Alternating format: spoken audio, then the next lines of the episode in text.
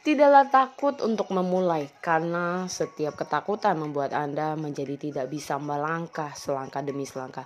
Tidak apa-apa Anda cuma merangkak walaupun belum berjalan. Tidak apa-apa kalau Anda baru uh, berjalan, Anda belum berlari. Tidak apa-apa karena semua itu adalah proses. Tidaklah membandingkan diri Anda dengan orang lain. Mungkin orang punya kapasitasnya jauh lebih cepat daripada Anda. Durasi yang jauh lebih cepat daripada Anda.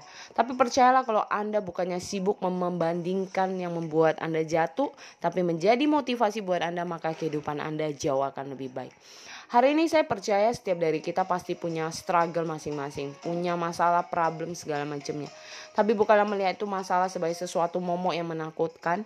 Hari ini saya bersyukur kalau di kadang di titik-titik kepepet itulah yang membuat akhirnya mau tidak mau ide kita keluar, keadaan kita jadi termotivasi dan membuat kita menjadi lebih baik.